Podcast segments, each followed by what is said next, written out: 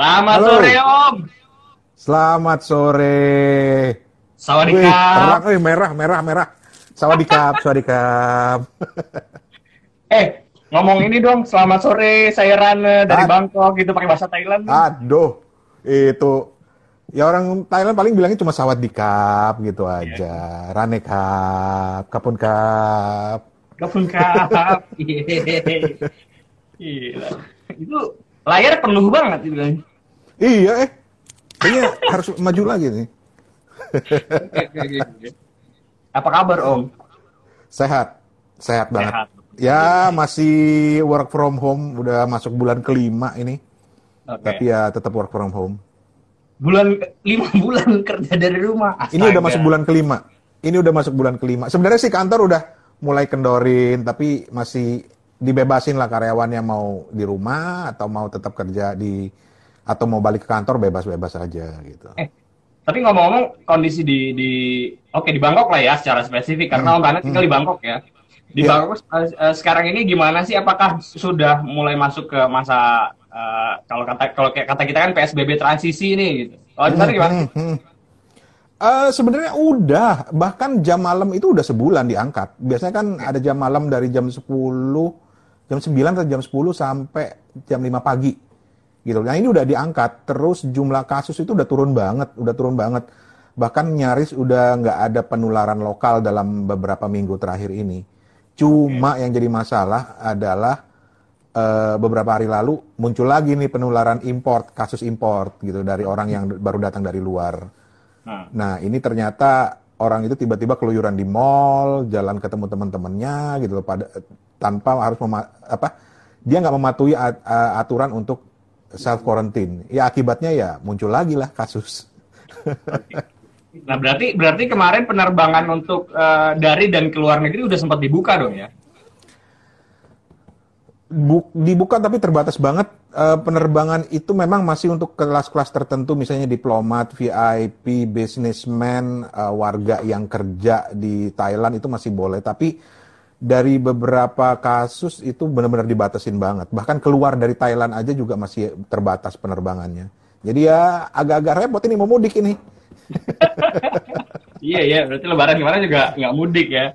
Bener, dan repotnya nanti bukan mudiknya sebenarnya, balik ke sininya, karena itu banyak banget aturannya. Udah harus tes PCR, harus ada asuransi yang nilainya lebih dari 100 ribu US dollar, Oke. eh, terus juga harus karantina 14 hari, macam-macam lah.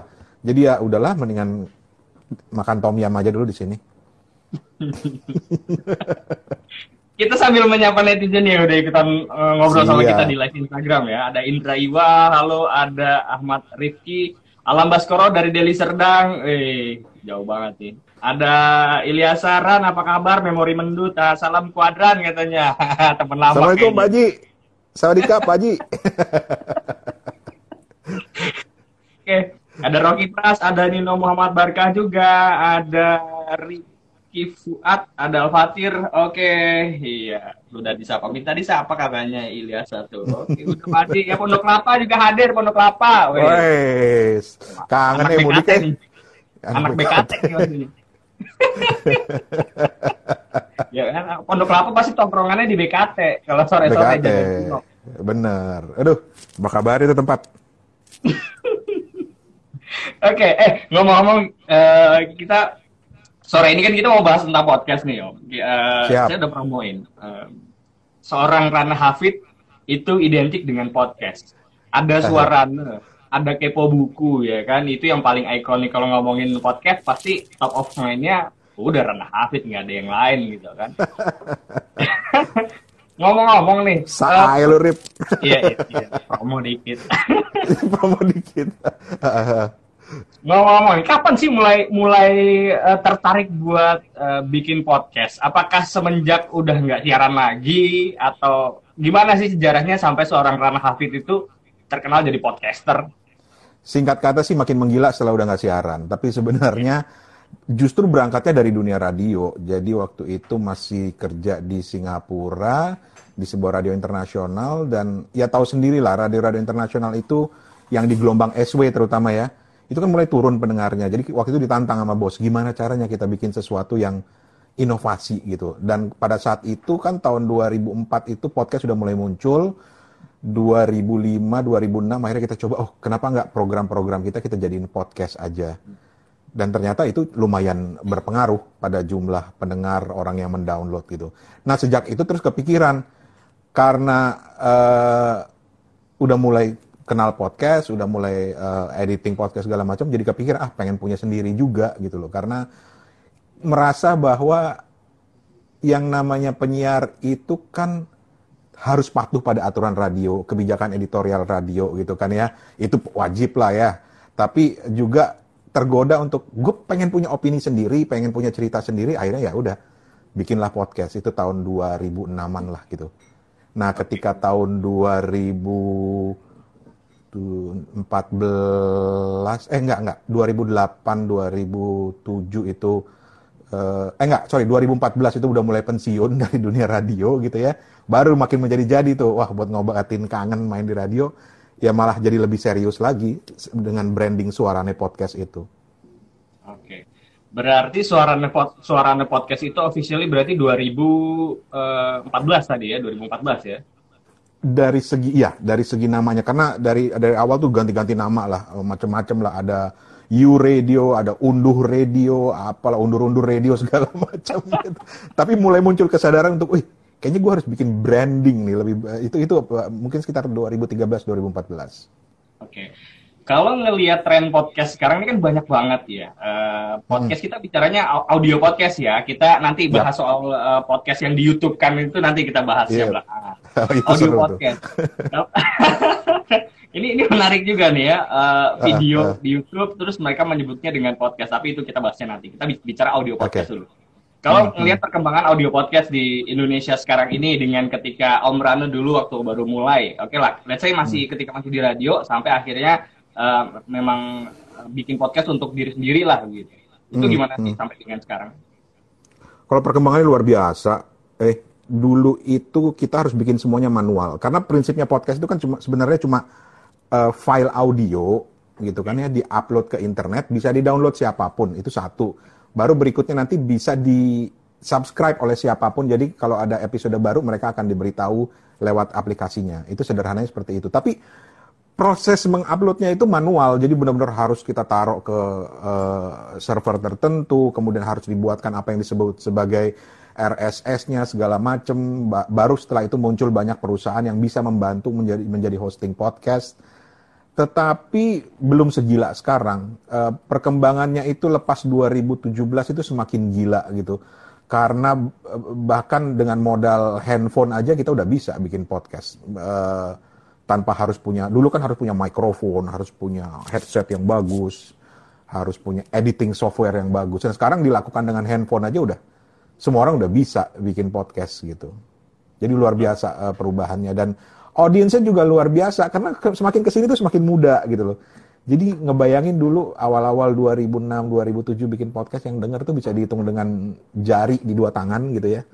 Sekarang udah lumayan gitu loh, udah banyak yang dengerin gitu. Oke. Nah, uh, Om Randa sendiri kan punya podcast Suarana, isinya macam-macam hmm. ya. Uh, mulai dari obrolan iseng sampai yang serius. Uh, uh, Kemudian uh. ada kepo buku juga sama teman-teman hmm. ya kan, yang memang hmm. fokusnya bahas uh, review tentang buku-buku lah yang dibaca, kemudian yeah. buku yang, yang memang uh, uh, perlu dibaca gitu ya. Yeah. Nah, kalau uh, sekarang ini kan juga banyak podcast yang kadang isinya cuma curhatan atau sekarang mm -hmm. bahkan ada juga podcast yang isinya cerita horor kayak gitu-gitu kan. Mm. Kalau misalnya seseorang nih kita bicara uh, katakanlah misalnya um, yang sekarang lagi nonton kita nih ada yang pengen bikin podcast tapi mereka bingung nih nentuin tema. Gue mau bikin podcast apa ya? Mau bikin cerita horor mm. udah atau mau bikin cerita tentang uh, keseharian ya ntar jatuhnya jadi kayak curhat. Kira-kira apa sih? Hmm. Atau mungkin buat bisa memunculkan ide gue mau bikin podcast apa? Apakah misalnya podcastnya harus berbeda atau podcastnya harus uh, gimana sih gitu? Ada tips nggak sih kalau gue ngebayangin gini Rep. Dulu, dulu itu ketika bikin podcast bisa bebas suaranya podcast bahkan memulai dengan ngobrol apa aja ngalor ngidol mau ngejok tiba-tiba baca cerpen tiba-tiba segala macam karena memang belum belum banyak podcast. Nah masuk 2017 ke sana semakin banyak sehingga kita harus makin benar-benar mikirin konsep podcastnya harus benar-benar jadi lebih apa ya tersegmen gitu podcastnya supaya orang eh, jadi tertarik untuk dengerin. Uh, jadi semakin ke sini ketika nanya harus gimana ya benar-benar kita harus planning mau bikin podcast semacam apa. Dan buat gue gue selalu berprinsip mulailah dari sesuatu yang kita tahu gitu. Tapi tidak sok tahu. Jadi prinsipnya selalu seperti itu kalau uh, cerita ke teman-teman apa sih yang kita kuasain, yang yang kira-kira pantas kita present, kita bagi ke orang. Karena gue selalu percaya bahwa medium apa pun, mau radio, podcast, televisi segala macam, ketika itu ada manfaatnya buat para pendengar atau audiensnya, walaupun itu cuma menghibur, sekalipun itu itu udah layak untuk untuk kita sharing dengan orang. Jadi benar-benar gali deh apa yang bisa kita tahu. Ada teman yang bisa fotografi, dia bikin podcast tentang fotografi. Yang paling banyak sekarang apa? Podcast orang suka bola, Semuanya bikin podcast bola. Tetapi kemudian ada beberapa podcast bola yang jago banget mengemasnya dengan angle-angle tertentu sehingga orang lebih banyak mendengarkan dia. Jadi memang nggak nggak gampang sih podcast buku misalnya itu banyak banget orang yang ngomongin soal buku apalagi dengan medium podcast ini kan. Tapi bagaimana mengemasnya supaya podcast ini kita bisa bisa lebih menarik, bisa lebih unik, lebih spesifik, lebih niche istilah kalau bahasa media sosialnya gitu. Nah itu itu yang justru lebih lebih lebih menarik. Uh, jadi mau nggak mau harus gali dulu ke diri kita sendiri apa sih yang kita punya untuk share. Walaupun nggak tertutup kemungkinan kalau memang mau jadiin podcast itu cuma buat sekedar buat curhat buat ngobrol buat berbagi opini nggak masalah. Banyak kok podcast podcast model gitu yang ternyata pendengarnya juga banyak. Oke. jadi kebutuhan tuh selalu ada kok. Banyak orang yang juga mungkin ngerasa butuh teman bicara begitu ya ketika Persis. ada podcast ada ada wadah untuk mereka bisa sharing uh, tanpa keterbatasan lah begitu. Mm-hmm. Nah, kalau uh, dari bicara mengenai pergeseran nih, kalau kita tahu kan di televisi ketika orang sudah mulai bosan dengan televisi yang acaranya itu itu aja drama yang isi sinetronnya azab dulu ya kan, terus kemudian ada YouTube sebagai alternatif uh. tontonan. Orang bisa memilih uh. gue mau nonton apa yang gue suka gitu kan. Uh, uh, Tapi akhirnya semakin ke sini justru uh, artis-artis di TV juga ikutan nge YouTube juga gitu kan. Isinya ya ketika nonton ada channelnya si keluarga ini, keluarga itu ya kan. Uh, uh, Atau prank ini, prank itu ya apa bedanya nonton YouTube dengan nonton TV karena isinya ya orangnya dia dia juga gitu kan. Dia dia juga. Terus ah, kemudian uh, podcast muncul sebagai satu alternatif kalau tadi Om Rando bilang mungkin uh, ketika kita nggak bisa menyalurkan idealisme kita atau opini kita di media tempat kita bekerja karena keterbatasan aturan tadi, kemudian kita hmm. bikin podcast yang lo bebas ngomongin apa aja selama tidak menyinggung hmm. sara begitu ya misalnya hmm. atau hmm. tidak menyebarkan hate speech lah.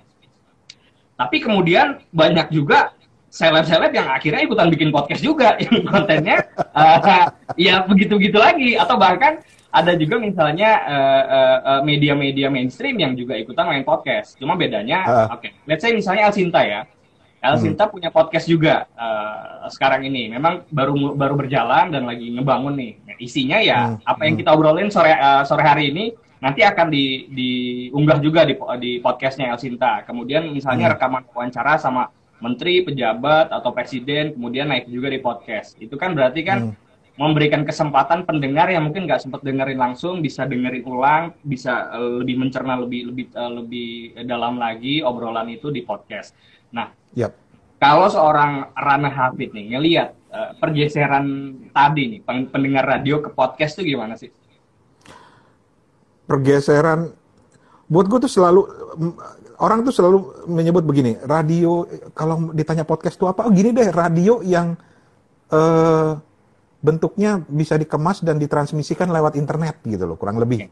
Jadi selalu berpikirnya seperti itu. Sementara gue selalu berpikir bahwa medium-medium ini berbeda-beda. Jadi kalau memang ada pergeseran, nggak terlalu jauh dampaknya karena radio bagaimanapun orang masih suka dengar. Uh, El Sinta misalnya, promosi dikit ya Rif ya. El Sinta misalnya itu termasuk yang didengar karena apa? Karena sifat live-nya kan. Okay. Sifat live-nya dan itu jadi kekuatan radio. Sementara kalau podcast mau meniru sifat live-nya itu ya nggak bisa, nggak ada gitu. Kecuali kita bikin live kayak begini, live streaming, but itu udah nggak bisa dibilang podcast gitu. Jadi setiap ini ada ada. Halo, Om. Agak terputus sih koneksi kita nih. Uh, kecuali El Sinta karena El Sinta live dan sifatnya itu selalu orang perlu banyak informasi gitu. Nah itu kelebihan salah satu kelebihan radio. Nah kalau podcast itu dan dua-duanya sama-sama bisa disambi. Nah gue melihat kecenderungan semakin banyak orang suka dengar podcast karena itu dua sifat itu. Yang pertama memang bisa di um, bisa disambi kerjanya dia bisa sambil dengerin podcast sambil nyetir atau sambil ngapain aja dan dia bisa ngatur sendiri waktunya mau mengkonsumsi kapan aja. Jadi itu yang sepertinya membuat tren podcast semakin uh, besar. Dan ketika tadi sempat nyinggung artis juga udah mulai nih main ke podcast nih gawat nih gitu kan ya. Uh, itu nggak bisa itu itu keniscayaan. Nah, YouTube kita nggak bisa protes. Ya sama-sama kok kita mau uh, tampil sama-sama kita ingin berbagi. Dan ketika artis yang masuk ya ya karena memang dia sudah punya banyak audiens dia bawa audiens yeah. untuk ikut. Jadi kebayang sih uh, contoh paling gampang lah agak menyimpang uh, Instagram.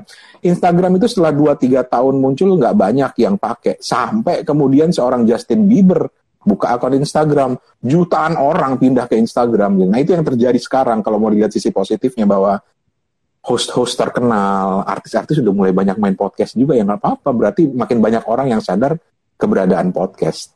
Dan nantinya ah. mereka akan selektif wah gue mau dengerin artis, fine. Gue mau dengerin Rane, fine. Mau dengerin Arif, fine. Bebas-bebas aja gitu.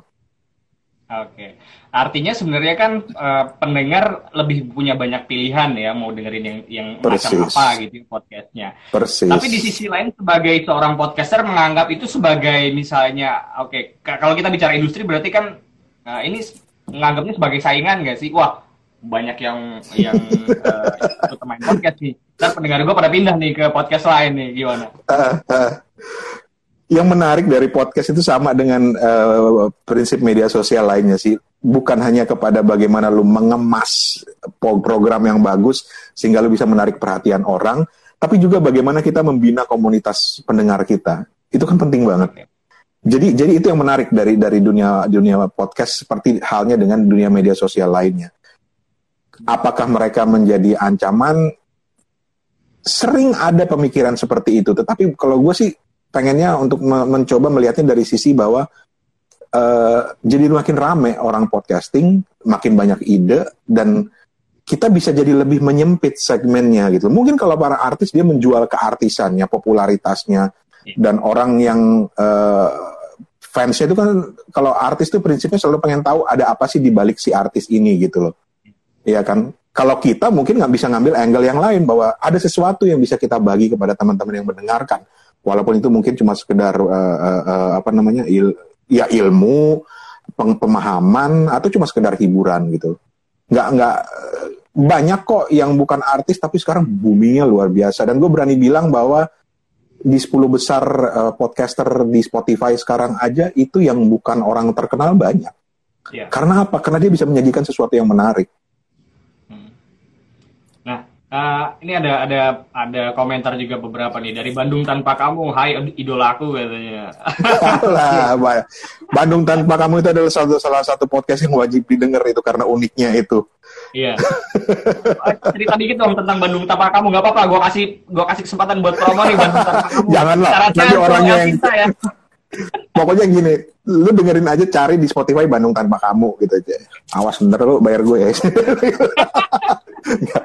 Tapi tapi itu keren karena dia bisa menciptakan sebuah nuansa baru di podcast. Buat gue podcast itu semakin menarik ketika dia bisa tantangan main audio. Arif sendiri sebagai orang radio tahu kan bahwa gimana sih me, me, membuat orang me, men, menghadirkan gambaran di, di kepala orang di benak orang.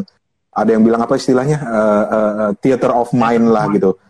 Uh, theater of mind. Jadi misalnya entah dia mau membangun gambaran yang seperti apa tentang dirinya, tentang apa yang dia sampaikan, itu tantangannya. Dan Bandung Tanpa Kamu ini adalah salah satu yang berhasil menghadirkan itu uh, dari segi nuansanya. Kemudian juga nanti ada yang sekarang lagi ada di top-top uh, podcast itu ada misalnya Rintik Seduh yang sebenarnya kalau didengerin, oh dia dia dia kayak curhat gitu, kayak ngomong, tetapi dia membangun kedekatan personal dengan pendengarnya dengan pendengar-pendengar dan itu luar biasa itu bisa dilakukan atau misalnya uh, yang suka horor uh, Do You See What I See juga ada di top-top podcast misalnya itu luar biasa bagaimana dia mengemas cerita orang yang biasa-biasa seperti ini dikemas dengan mixing yang luar biasa sehingga menjadi sebuah ton apa bukan tontonan tetapi uh, sebuah medium atau cerita yang didengarkan dan itu membuat gambaran di kepala kita yang yang menarik gitu. Theater of mind-nya itu muncul.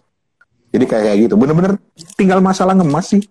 Walaupun itu cuma pada level nggak perlu pakai editing dan macam-macam, tapi lu ngomong itu itu aja udah menarik. Karena buat gue kelebihan podcast itu aspek personalnya. Bagaimana kita bisa mendekat uh, semakin mendekat dengan audiens kita dengan pendengar kita. Karena ada survei yang pernah mengatakan ini walaupun di luar negeri, tapi ada survei yang mengatakan bahwa satu dari lima orang yang mendengarkan podcast itu mendengarnya pakai headphone dan itu kesempatan bagi kita benar-benar kita kita sebagai penyiar atau podcaster masuk langsung ke orang itu tanpa uh, uh, jadi kita bisa memanfaatkan unsur personalnya. Beda dengan radio yang kadang-kadang orang masih dengerin radio di atas meja rame-rame dengerinnya gitu kalau podcast itu benar-benar masuk personal langsung ke orang yang mendengar. Personal touch-nya dapat gitu ya kalau podcast. Personal touch-nya.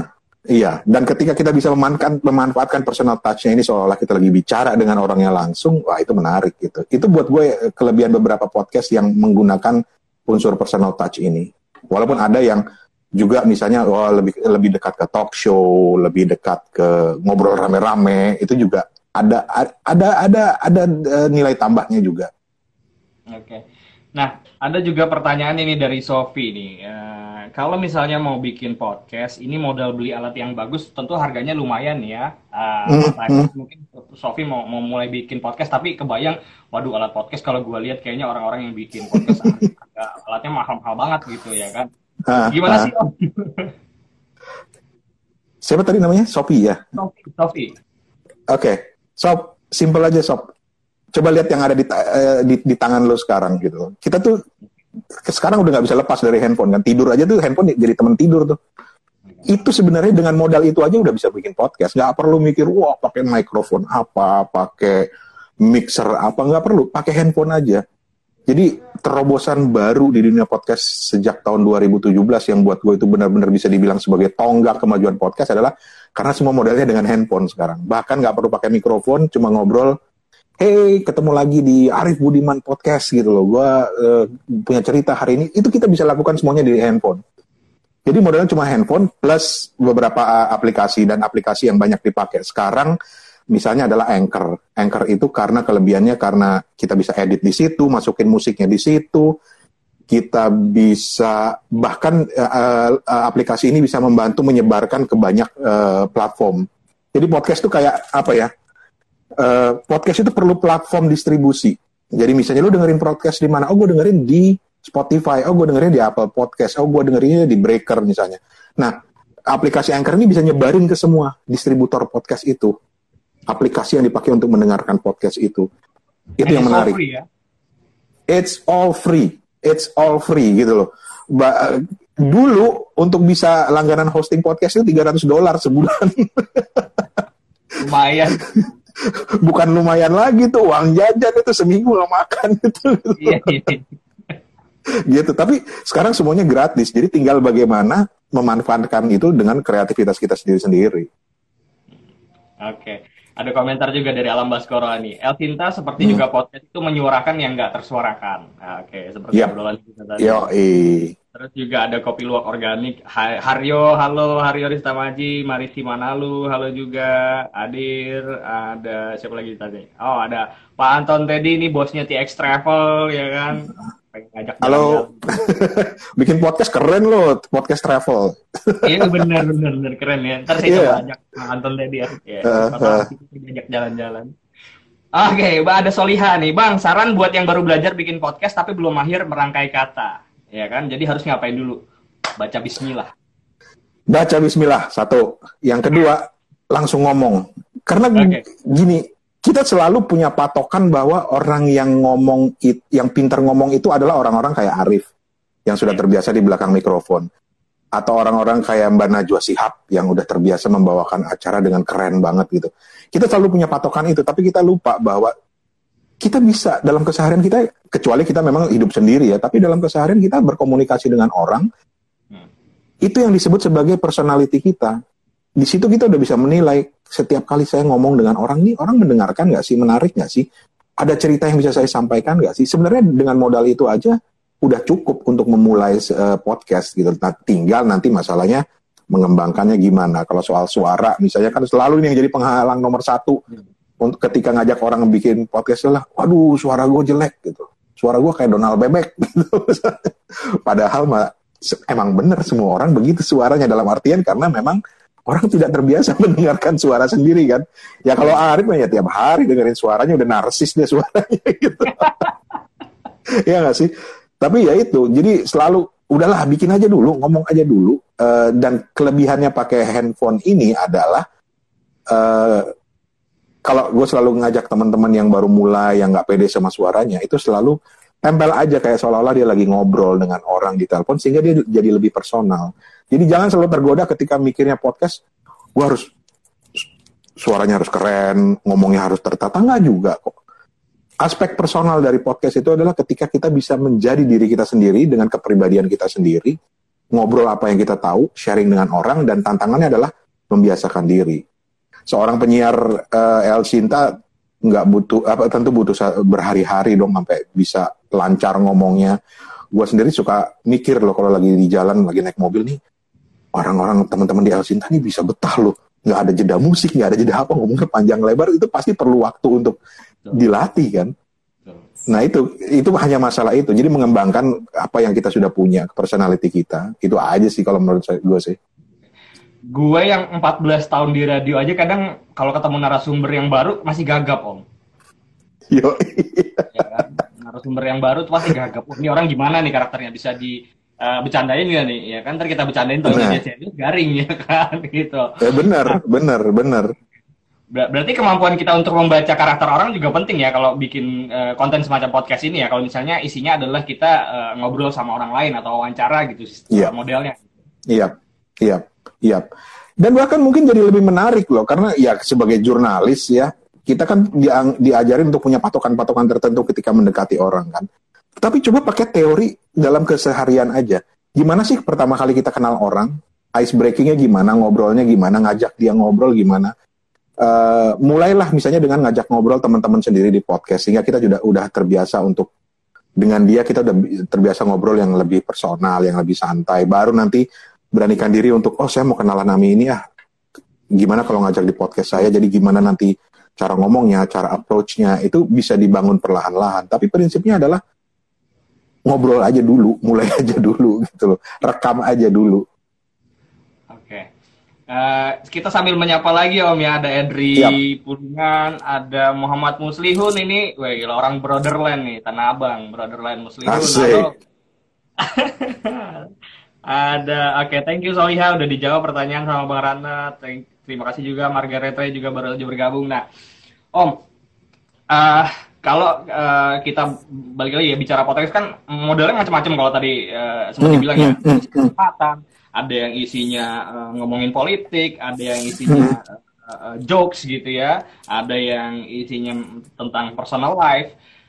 Hmm. Ada nggak sih misalnya, oke okay, kita bicara plus minus nih, uh, ngomongin uh, podcast ya, karena di YouTube atau radio atau media mainstream lainnya juga pasti ada plus minusnya. Kalau kita bicara plus minus yep. dari podcast ya kan, karena uh, hanya audio aja, misalnya, ada nggak sih podcast yang isinya bahas tentang masak-masak? Nah, kalau masak-masak kan berarti harus ada visualnya nih.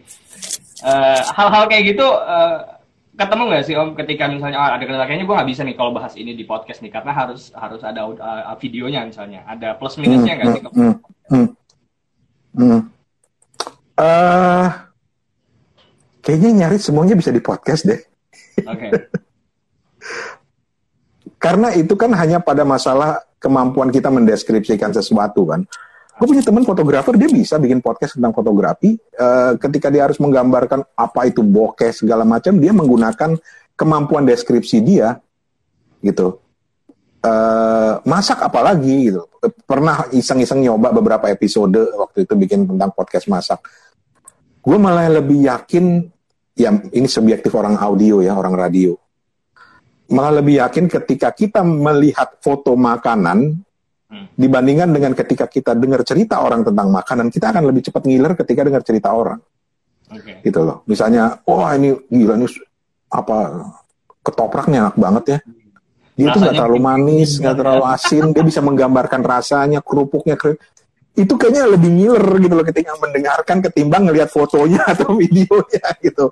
Jadi tinggal pinter-pinter ngemas. Apa coba yang yang sekarang nggak bisa di podcastin karena masalahnya audio itu kan sebenarnya hanyalah bentuk visual dari audio dari dari suara kita kan kemampuan kita mendeskripsikan itu memvisualkan itu di benak masing-masing uh, orang yang mendengarkan gitu aja jadi belum kepikiran sih apa yang nggak bisa di podcast oke okay. uh, ada Fatir nih yang nanya ini Om uh, hmm. kalau nggak salah tadi sempat dengar soal obrol uh, apa tuh ngobrolin soal buku nih Om nah buku apa yang paling uh, paling kalau Fatir sih nanya paling menantang ya. Mungkin baca buku di pinggir jurang itu menantang juga ya. Atau baca buku di kandang buaya ya kan itu menantang. Uh, nah, bicara soal uh, suaranya tadi udah ya kan, ketika uh. Om Rando memulai memulai podcast dari yang awalnya tugas kantor, kemudian jadi bikin podcast hmm. pribadi, terus kemudian hmm. sekarang berkolaborasi juga sama teman-teman bikin podcast kepo buku. Cerita sedikit dong soal yeah. kepo buku. Kenapa buku sih yang dibahas? Ya karena kebetulan kita bertiga hostnya itu suka buku gitu. Tapi terus kemudian waktu itu mikir podcast seperti apa ya yang bisa kita pakai untuk cerita soal buku gitu. Karena podcast itu udah banyak uh, yang mayoritas kan rata-rata review kan. Oh buku ini bagus nih ceritanya tentang ini uh, penulisnya si ini uh, penerbitnya ini itu tuh udah banyak gitu. Nah uh, kemudian kita kepikiran untuk balik ke awal aja dengan podcasting dengan konsep uh, kepo pengen tahu gitu loh. Sering nggak sih kita duduk di di di tempat publik ngeliat orang lagi baca tuh penasaran ini minimal pengen lihat tuh covernya apa sih yang lagi dia baca gitu loh. Nah itu konsep seperti itu yang akhirnya kita pakai dan uh, kemudian kepo buku itu menjadi sebuah podcast tentang buku yang konsepnya adalah ngobrol lepas, ngobrol santai gitu karena uh, waktu itu kita mikir oh pokoknya kita ada teman yang di Singapura. Jadi kepo buku tuh hostnya ada satu di Ambon, satu di Singapura, satu di Bangkok. Waktu itu kita mikir ntar kalau ngomongnya serius-serius amat malas banget ah nggak mau ah gitu loh. Gimana kalau kita, kita ngobrolnya kayak kita ngobrol biasa aja? Kayak kita lagi ngobrolin tentang pertandingan bola tadi malam atau kayak kita ngobrol tentang film yang kita tonton barusan gitu. Itu bisa kali ya oh ternyata kita coba satu dua episode masih kaku tapi lama-lama oh bisa loh. Dan ternyata memang bisa kita ngobrolin buku tanpa harus mengerenyitkan dahi tanpa harus serius-serius amat gitu.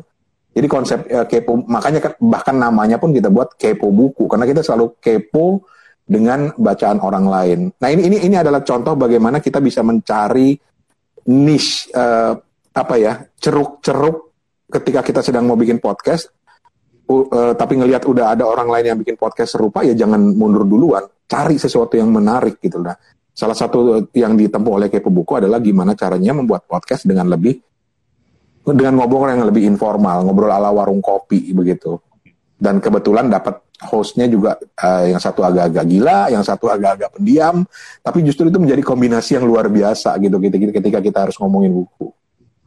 Oke, karena biasanya identiknya kalau yang yang baca buku itu kan biasanya nerd gitu ya kan, atau misalnya introvert gitu kan. Uh, uh, uh, uh. Justru dikemasnya lebih lebih uh, uh, fun gitu ya. Betul, betul. Jadi cuma contoh aja bagaimana caranya kita mencari uh, angle atau sesuatu yang berbeda dari yang udah dilakukan orang lain. Dan itu menarik loh.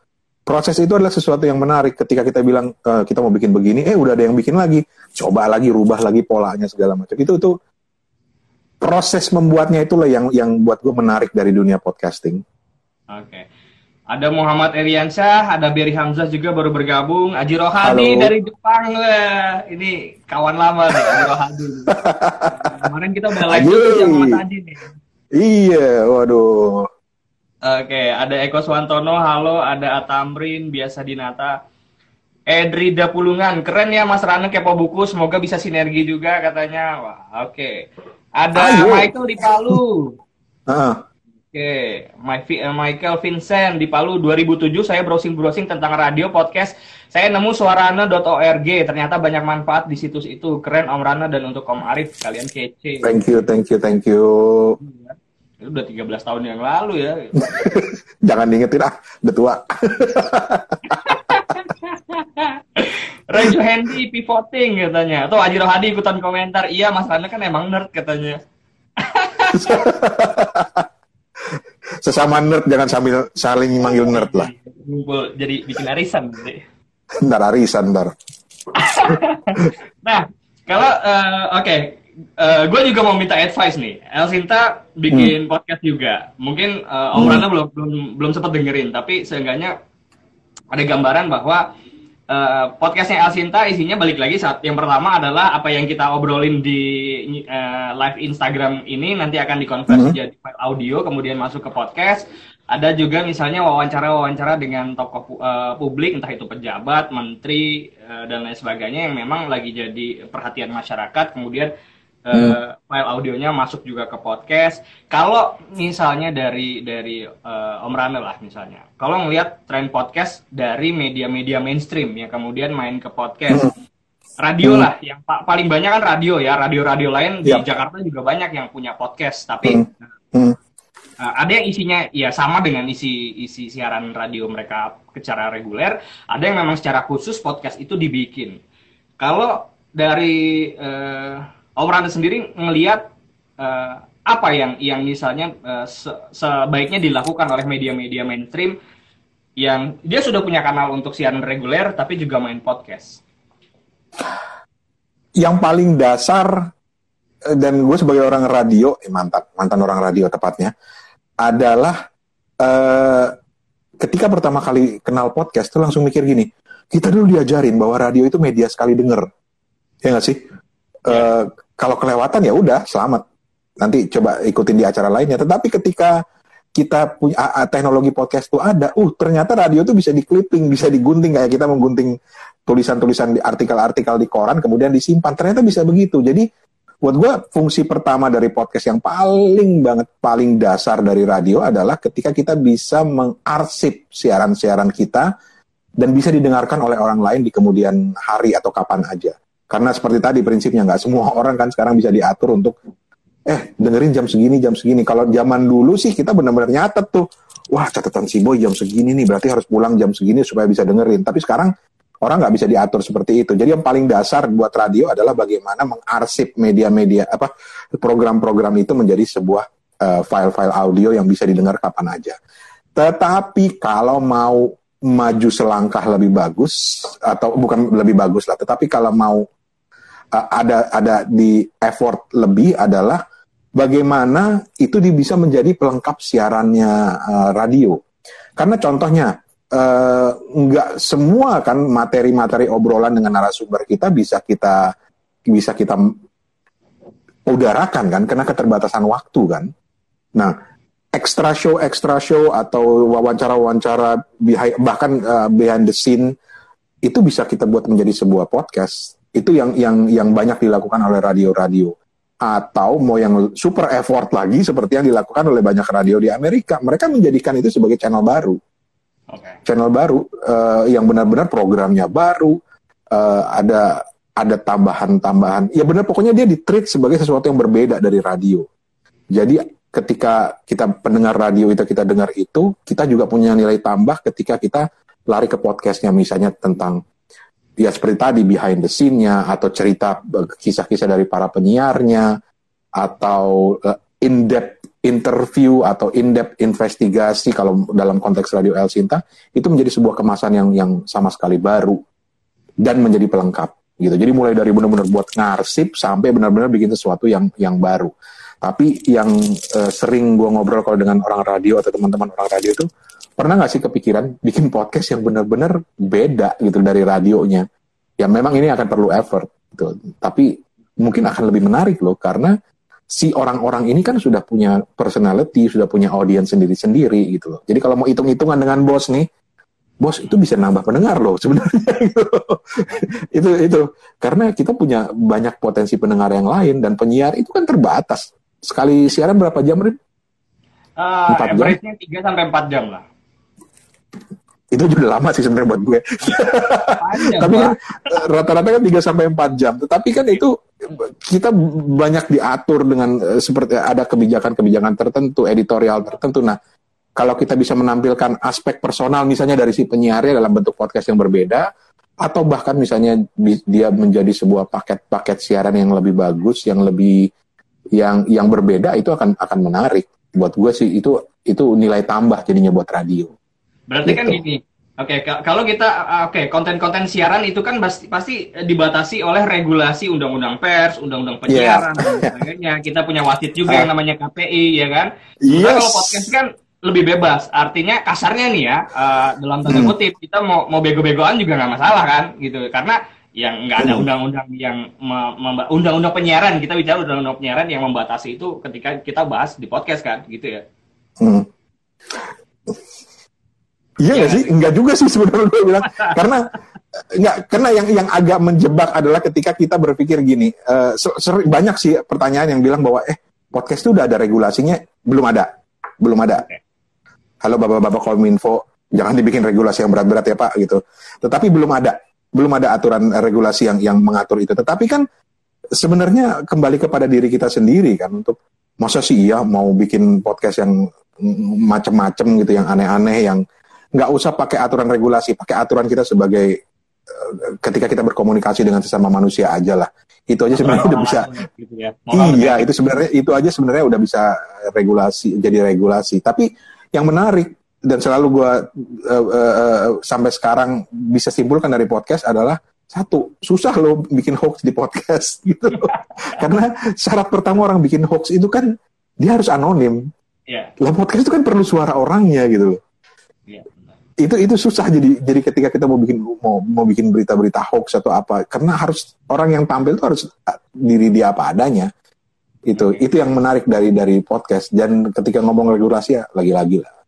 Regulasi yang standar aja dulu lah. Antar kita manusia dulu gitu baru ikut regulasi yang baku. Apalagi kalau podcast dari radio kayak podcastnya El Sinta tentu ya dia udah punya entitas dong yang bisa aja nanti diatur secara regulasinya gitu loh Nah, kalau ngomong-ngomong soal podcast kemudian uh, YouTube begitu ya kan, YouTube kita tahu orang banyak yang akhirnya menjadikan YouTube itu adalah ladang, ladang bisnis buat cari uang gitu ya.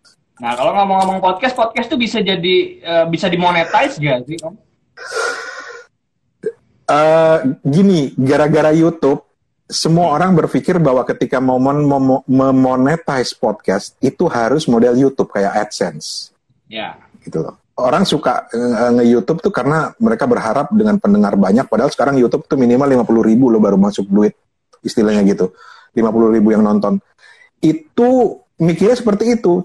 Karena itu uh, jadi mikirnya lebih pasif. Yang penting bikin konten nanti duit masuk. Asal tinggal gimana kita banyak-banyakin pendengarnya kan atau penontonnya. Podcast sebenarnya udah ada pola yang seperti itu ala AdSense dan itu sudah digagas oleh Spotify dan Anchor sebenarnya. Tapi masih terbatas di Amerika jadi yeah. belum sampai ke Indonesia. Dan gue melihat ini, walaupun mereka dengar-dengar udah ngelirik sih, karena melihat kaget mereka melihat audience podcast di Indonesia gila-gilaan gedenya gitu. Tapi sebenarnya kalau kita mau main monetize kan banyak sebenarnya selah-selah yang lain gitu loh. Ya kalau mau yang pakai tradisional radio, bikin spot iklan atau adlib misalnya, itu itu paling simple. Tapi kan banyak yang lain, banyak yang menjadikan podcast sebagai uh, etalase untuk personal branding dia, misalnya untuk kemudian dia diundang jadi perbicara itu salah satu contohnya. Atau misalnya kerjasama uh, sebagai endorser untuk produk-produk tertentu. Atau kalau perusahaan-perusahaan misalnya bisa bikin misalnya uh, branded podcast. Itu itu lagi terkenal banget gitu loh uh, branded podcast ini. Uh, dan banyak kemungkinan-kemungkinan lain. Pikirlah podcast ini sebagai sebuah alat yang bisa kita apain aja buat nyari duit. Sama ketika kita punya pisau gitu ya buat nyari duit juga bisa mau kita apain aja gitu loh gitu. Tapi ya nggak salah sih kalau kemudian berpikir bahwa gue maunya yang kayak YouTube ada AdSense-nya. Ya kalau mau yang kayak gitu sabar kalian nunggu bentar lagi. Mudah-mudahan ada di Indonesia. Amin, mudah-mudahan Anchor bisa pasang AdSense di Indonesia ya. Oke. okay. Karena udah ada sebenarnya sistem tapi masih di Amerika. Oke, okay, itu itu uh, itu menjawab juga mungkin pertanyaan dari Berry Hamzah tadi supaya dapat cuan hmm. dari podcast gimana caranya. Oke. Okay. Nah, ini terakhir. Hmm Oh tadi kan sempat uh, eh, gue bahas di awal. Kemudian ada YouTube hmm. YouTube akun YouTube yang three to one close the door itu ya kan. Uh, YouTube yang di podcast kan atau podcast yang ya. YouTube kan itu gue juga nggak paham tuh. Kalau uh, melihat konten-konten semacam ini gimana sih Om? Kemudian juga terakhir mungkin ada ada uh, ya say something lah untuk para podcaster di okay. Indonesia. Kalau mau pindah ke YouTube, uh, jadi gini, banyak orang yang salah uh, salah kaprah bahwa podcast itu hanya audio. Kalau dilihat dari sejarahnya, podcast juga video kok. Jadi ada video podcast, ada audio podcast. Ini bisa-bisanya Apple. Bisa-bisanya Apple ketika Steve Jobs pertama kali memperkenalkan podcast di uh, apa di di iTunes, dia dia dia dia memperkenalkan itu dengan istilah podcast sebenarnya. Padahal penemunya podcast awal-awal orang yang pertama kali bikin podcast podcasting tahun 2004 itu lebih cenderung menyebutnya sebagai audio blogging. Oke. Okay. Gitu. Uh, jadi ketika ada yang pindah ke podcast atau pindah ke YouTube atau mengklaim bahwa acara di YouTube mereka itu podcast, nggak masalah itu itu jadi yang bapak Trituan close the door itu juga nggak masalah sebenarnya ketika dia mengklaim bahwa dia itu itu dia ya? itu podcast itu podcast sebenarnya hanya mediumnya yang berbeda ada yang medium audio ada yang medium video walaupun sekarang ketika orang bilang podcast, memang lebih banyak teringat pada audio kenapa bedanya dengan vlog apa nggak ada bedanya sama sebenarnya semuanya gitu jadi itu uh, cuma memang ada orang yang lebih nyaman menggunakan audio, ada orang yang ribet banget kalau pakai video ngeditnya segala macam itu ada. Tapi buat gue itu sama aja lah. Itu hanya masalah medium. Atau ngambil dua-duanya sekalian. Bikin podcast audio, bikin podcast video, bareng-bareng, upload, dapat audiens di kedua uh, platform itu. Malah lebih asik kan. Okay. Gitu. Kalau gue bikin seperti itu. Jadi ya, selamat malam Pak Dedi atau selamat sore. Keren podcastnya. Cuma kenapa okay. belum ada di Spotify? Say something untuk uh, para podcaster di Indonesia dan orang-orang yang mungkin mau memulai podcast Om. Uh, buat teman-teman yang mau mulai podcast, ambil handphone, download aplikasinya, langsung bikin. That's it. And be yourself. Itu aja sebenarnya. Dan gue yakin bahwa semakin banyak orang yang menyalurkan atau berekspresi dengan podcast, uh, akan semakin rame lah dunia konten di Indonesia ini dan akan akan lebih lama-lama juga akan lu akan menemukan format yang bagus gitu. So ya yeah, just be yourself dan langsung aja mulailah. Minimal nyoba-nyoba dulu download aplikasinya, rekam. Kalau jelek juga kan nanti bisa dihapus kok gitu. Karena kalau nunggu-nunggu mau bikin podcast apa lama-lama ribet ntar. Kadang malah nggak mulai-mulai gitu. Walaupun ada orang yang memulainya dengan oh kak planning yang bagus banget gitu itu nggak masalah. Tapi yang mau mulai dengan langsung mulai juga nggak apa-apa kok. Mm-hmm. Mantap. Thank you banget Om hari ini sharingnya banyak banget hari ini gue dapet ilmu banyak yang luar biasa. Kayaknya besok gue mau bikin podcast baru lagi lah. Asik. Lah podcast yang gitu gimana nasibnya tuh? oh iya iya iya iya. iya. Yang kemarin aja deh gue ganti formatnya deh. Sekali lagi Om Randa terima kasih banget udah sama-sama sama-sama dari Bangkok Thailand. Mudah-mudahan nanti nanti uh, kesempatan berikutnya kita bisa bahas tema-tema uh, lain lagi bareng sama Aurana. Sekali hmm. lagi terima kasih hmm. buat sharingnya bareng sama El Sinta uh, sore hari ini. Sukses terus podcastnya. Dan jangan lupa yang belum subscribe, eh, itu bisa di subscribe kan ya. Kepo buku bisa, sama subscribe. Suarana ya kan. Subscribe Aha. tuh, kepo buku sama Suarana di Spotify Asik, ada. dapat promosi ada, lagi. Ya kan?